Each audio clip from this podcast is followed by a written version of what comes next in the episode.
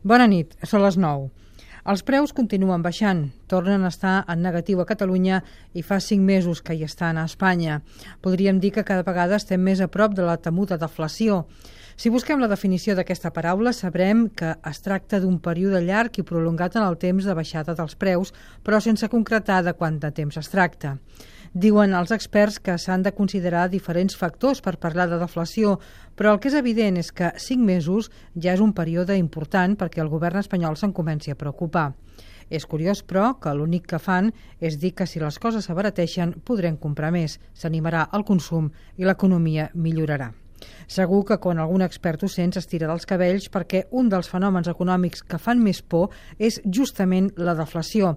I no ho diuen només els economistes. El Fons Monetari Internacional fa mesos que avisa d'aquest perill i el Banc Central Europeu no para de prendre mesures per posar diners al mercat i intentar que s'animi el consum perquè el que passa realment quan els preus no paren de baixar és que s'entra en una espiral molt perillosa.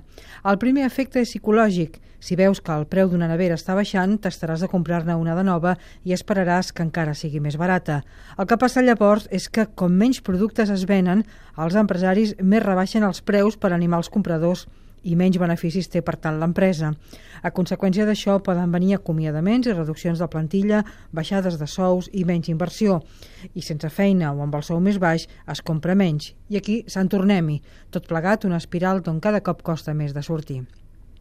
Una altra cosa que no podem oblidar són els efectes sobre l'endeutament públic i privat perquè amb la deflació som més pobres però continuem devent el mateix que abans i per tant hem de fer molts més esforços per pagar. Amb tantes coses negatives, doncs, potser va ser hora que el govern espanyol comenci a canviar de discurs i, sobretot, comenci a actuar per fer front a la situació. El que no es pot fer és un discurs optimista, assegurar que l'economia està sanejada quan s'està sortint d'una crisi i tot s'aguanta per fils molt, molt prims.